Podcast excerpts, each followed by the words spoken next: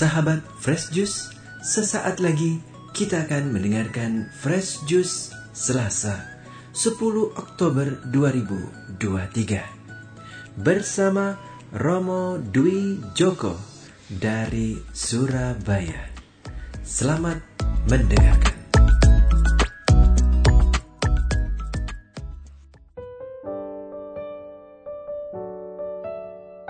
Para sahabat Juice yang terkasih, selamat pagi, selamat berjumpa kembali. Salam damai dalam kasih Tuhan. Hari ini Selasa pekan biasa ke-27. Kita akan mendengarkan sebuah kisah yang sungguh amat indah dari Injil Lukas bab 10 ayat 38 sampai dengan 42. Mari sejenak kita mendengarkan sabda Tuhan. Dalam perjalanan ke Yerusalem, Yesus dan murid-muridnya tiba di sebuah kampung.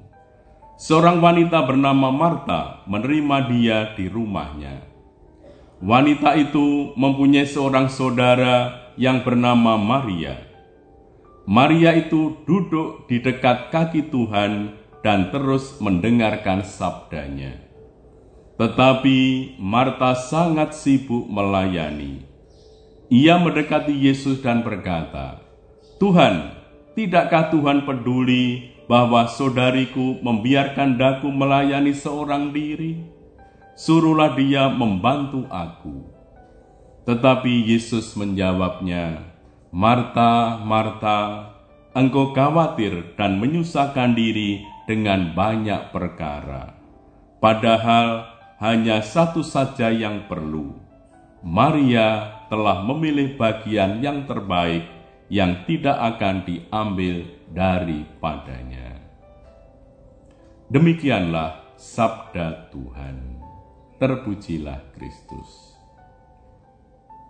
Para sahabat, bacaan Injil hari ini berbicara mengenai dua orang bersaudara, Marta dan Maria, tetapi sangat berbeda dalam hal memanfaatkan kesempatan yang ada dan itu terlihat dalam hal penyambutan atau pelayanan mereka kepada seorang tamu agung, yaitu Yesus yang saat itu berkunjung ke rumah mereka.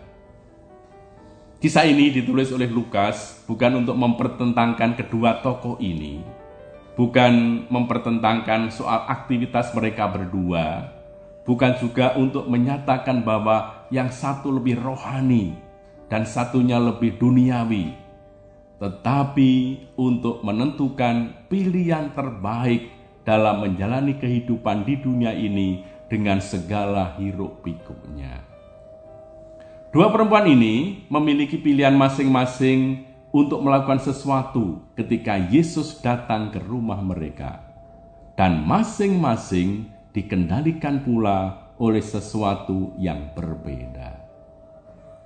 Selama ini Marta tentu saja hafal dengan peraturan-peraturan, etiket yang berlaku, apa yang harus dilakukan pada saat-saat tertentu. Antara lain kalau ada tamu mesti diberi makan dan minum, apalagi ini tamu agung Yesus. Maka Marta yakin bahwa inilah wujud pelayanan yang benar. Marta sebenarnya merupakan representasi orang-orang yang mencoba mendapatkan sukacita, kebahagiaan dengan misi waktu, dengan memenuhi kriteria-kriteria dunia yang umumnya dipenuhi dengan ya keglamoran dalam berbagai bentuk. Sedangkan Maria adalah representasi mereka yang dengan penuh keberanian berani meninggalkan kesenangan yang ditawarkan dunia dan memperoleh sukacita yang ditawarkan Yesus. Sekalipun mungkin akibatnya Mar Maria harus berdiskusi dengan Yesus ya tanpa snack, tanpa makanan yang merupakan lambang dari sukacita, kegembiraan, kesenangan dunia.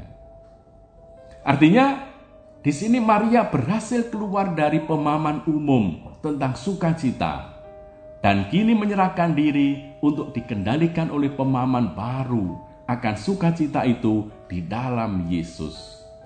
Keputusan Maria sebenarnya cukup radikal dan justru di situlah pesan ini dan memberikan kabar sukacita bagi kita.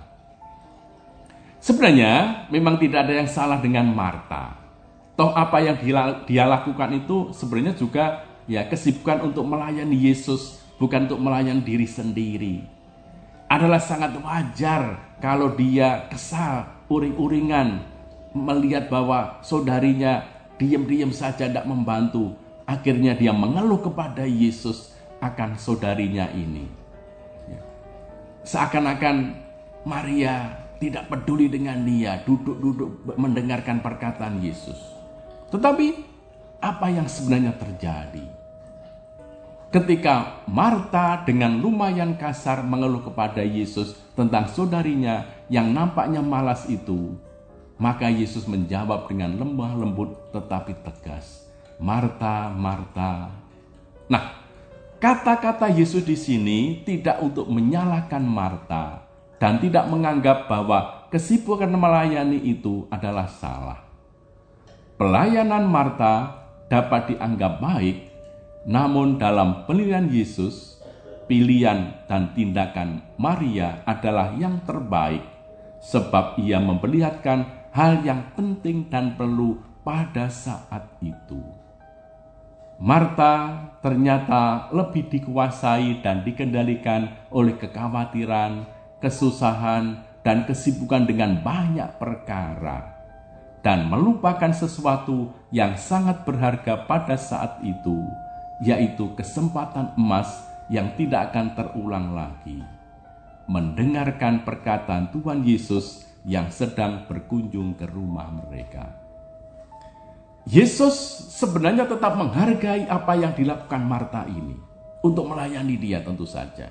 Tetapi Yesus juga mengingatkan bahwa Marta seharusnya berlaku seperti saudarinya Maria, mampu memilih prioritas pada kesempatan kunjungan itu.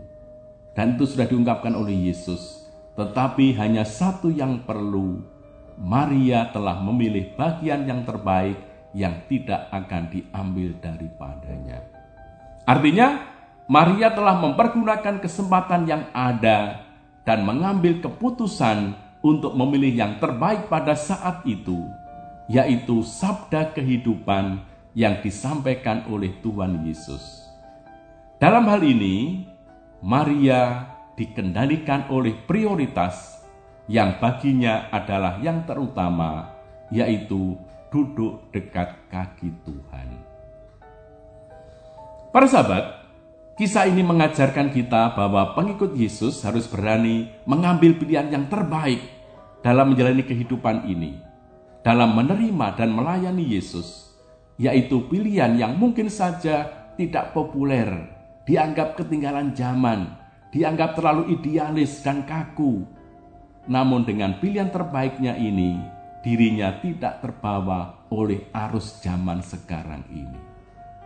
Lihatlah misalnya betapa seringnya banyak kegiatan gereja justru dipengaruhi oleh sistem, gaya, pola kehidupan dan kegiatan dunia yang sering kali didominasi oleh keglamoran, monumental, materialistis, hedonisme, orientasi uang, juga orientasi jabatan atau kekuasaan ataupun orientasi prestise dan lain-lainnya.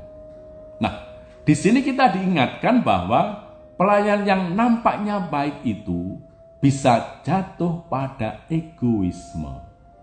Kalau ada yang mengganggu cara ia melayani, dia bisa langsung marah, bahkan lapor kepada Tuhan, atau mungkin malah kecewa kepada Tuhan.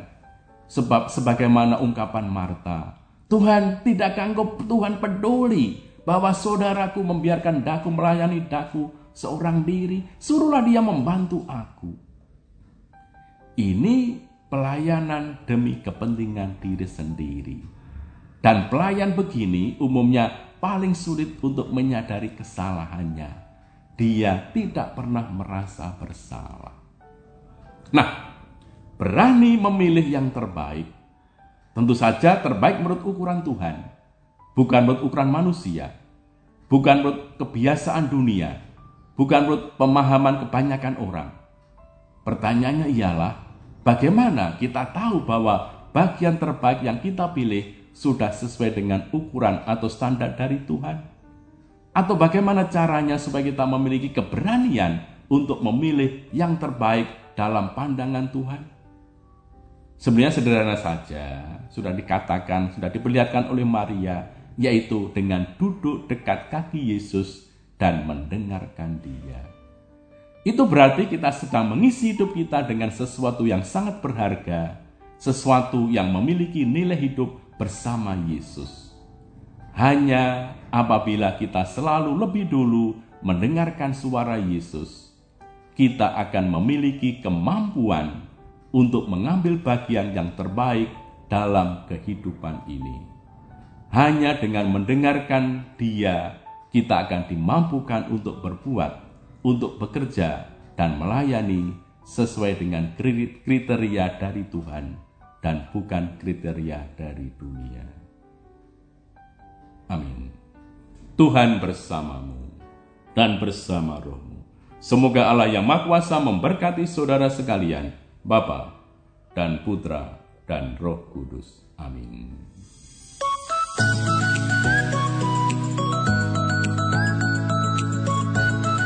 Sahabat Fresh Juice, kita baru saja mendengarkan Fresh Juice Selasa 10 Oktober 2023. Terima kasih kepada Romo Dwi Joko untuk renungannya pada hari ini. Sampai berjumpa kembali dalam Fresh Juice edisi selanjutnya. Tetap semangat, jaga kesehatan, dan salam Fresh Juice.